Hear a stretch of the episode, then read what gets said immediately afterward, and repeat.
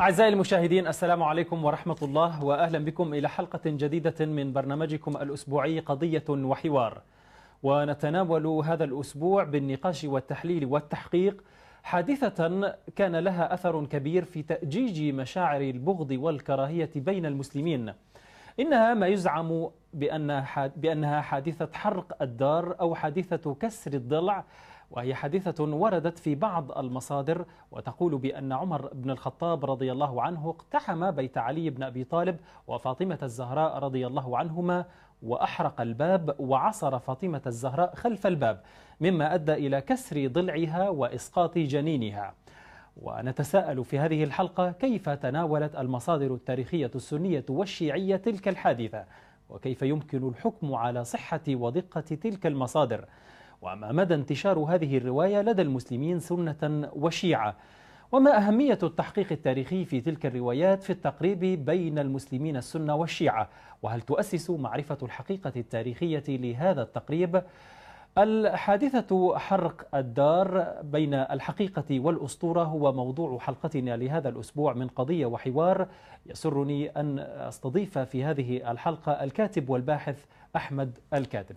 أستاذ أحمد أهلا بك في هذه الحلقة. أهلا البعض يتساءل أستاذ أحمد أنه في هذه الأيام يحتفل بعض المسلمين الشيعة في ذكرى هذه الحادثة والكثيرون يقولون بأن هؤلاء الذين يحتفلون هم من قلة المسلمين الشيعة. فلماذا يتم نبش كتب التاريخ ونكف الجراح والبحث عن حوادث البعض قد نسيها والبعض الآخر قد تناساها مما يمكن أن أن تفرق بدلا أن تقرر بسم الله الرحمن الرحيم.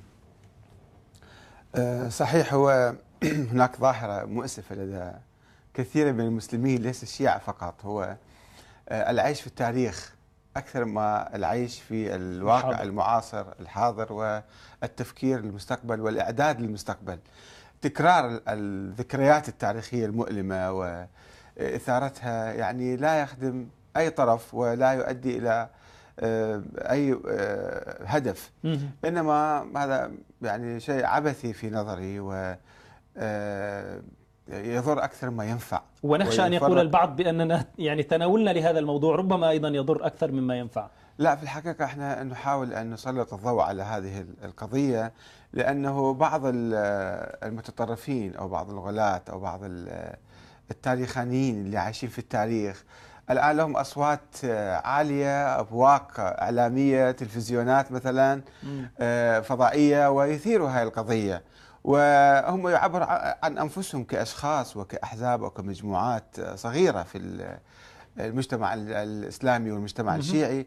ولكن أصواتهم قد تطغى على الآخرين الصامتين المستنكرين لهذه القضايا وهم عامة الناس عامة الجماهير الشيعية والسنية الذين يفكرون بمشاكلهم المعاصرة المزمنة ويحاولوا أن يحلوها بدل ما أن يهتموا في القضايا التاريخيه. إلى التاريخ.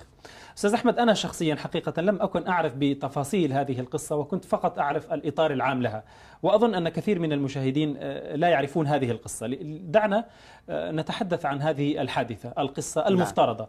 ما هي هذه القصة وكيف تطورت؟ القصة تقول أن كيف تطورت سؤال آخر. دعنا الآن نسرد القصة نعم. ربما من المصادر المختلفة المس... ونتحدث لاحقا عن القصة كما هي شائعة الآن عند أوساط شعبية ربما أو بعض القنوات اللي تثيرها أو بعض الجماعات ليبكوا عليها ويحزنوا عليها وتألمهم وبالتالي تدفعهم إلى اتخاذ مواقف مثلا عاطفية تجاه م. الآخرين. القصة تقول أن الإمام علي عليه السلام امتنع عن بيعة أبي بكر في الأيام الأولى أو في الشهور الأولى واعتصم في بيته واعتصم معه ثلة من الهاشميين والزبير مثلا حتى منهم وجلس في البيت ورفض بيعة أبي بكر. ثم أن أبو بكر أرسل مجموعة وأرسل عمر بن الخطاب لكي يقنعهم بالبيعة أو يجبرهم على البيعة.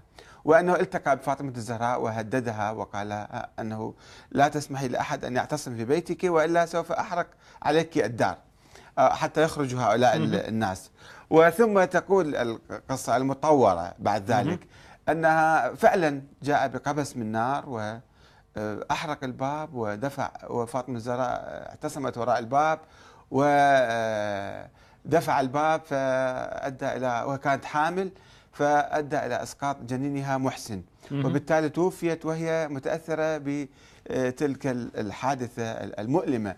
وبالتالي أصبحت شهيدة وأن فلان قتل فاطمة الزهراء. فهذه القصة قصة لو كانت حقيقة فعلا هي قصة مؤلمة. و يعني ولكنها في نظري قصة أسطورية وتطورت عبر التاريخ حتى أصبحت أسطورة بها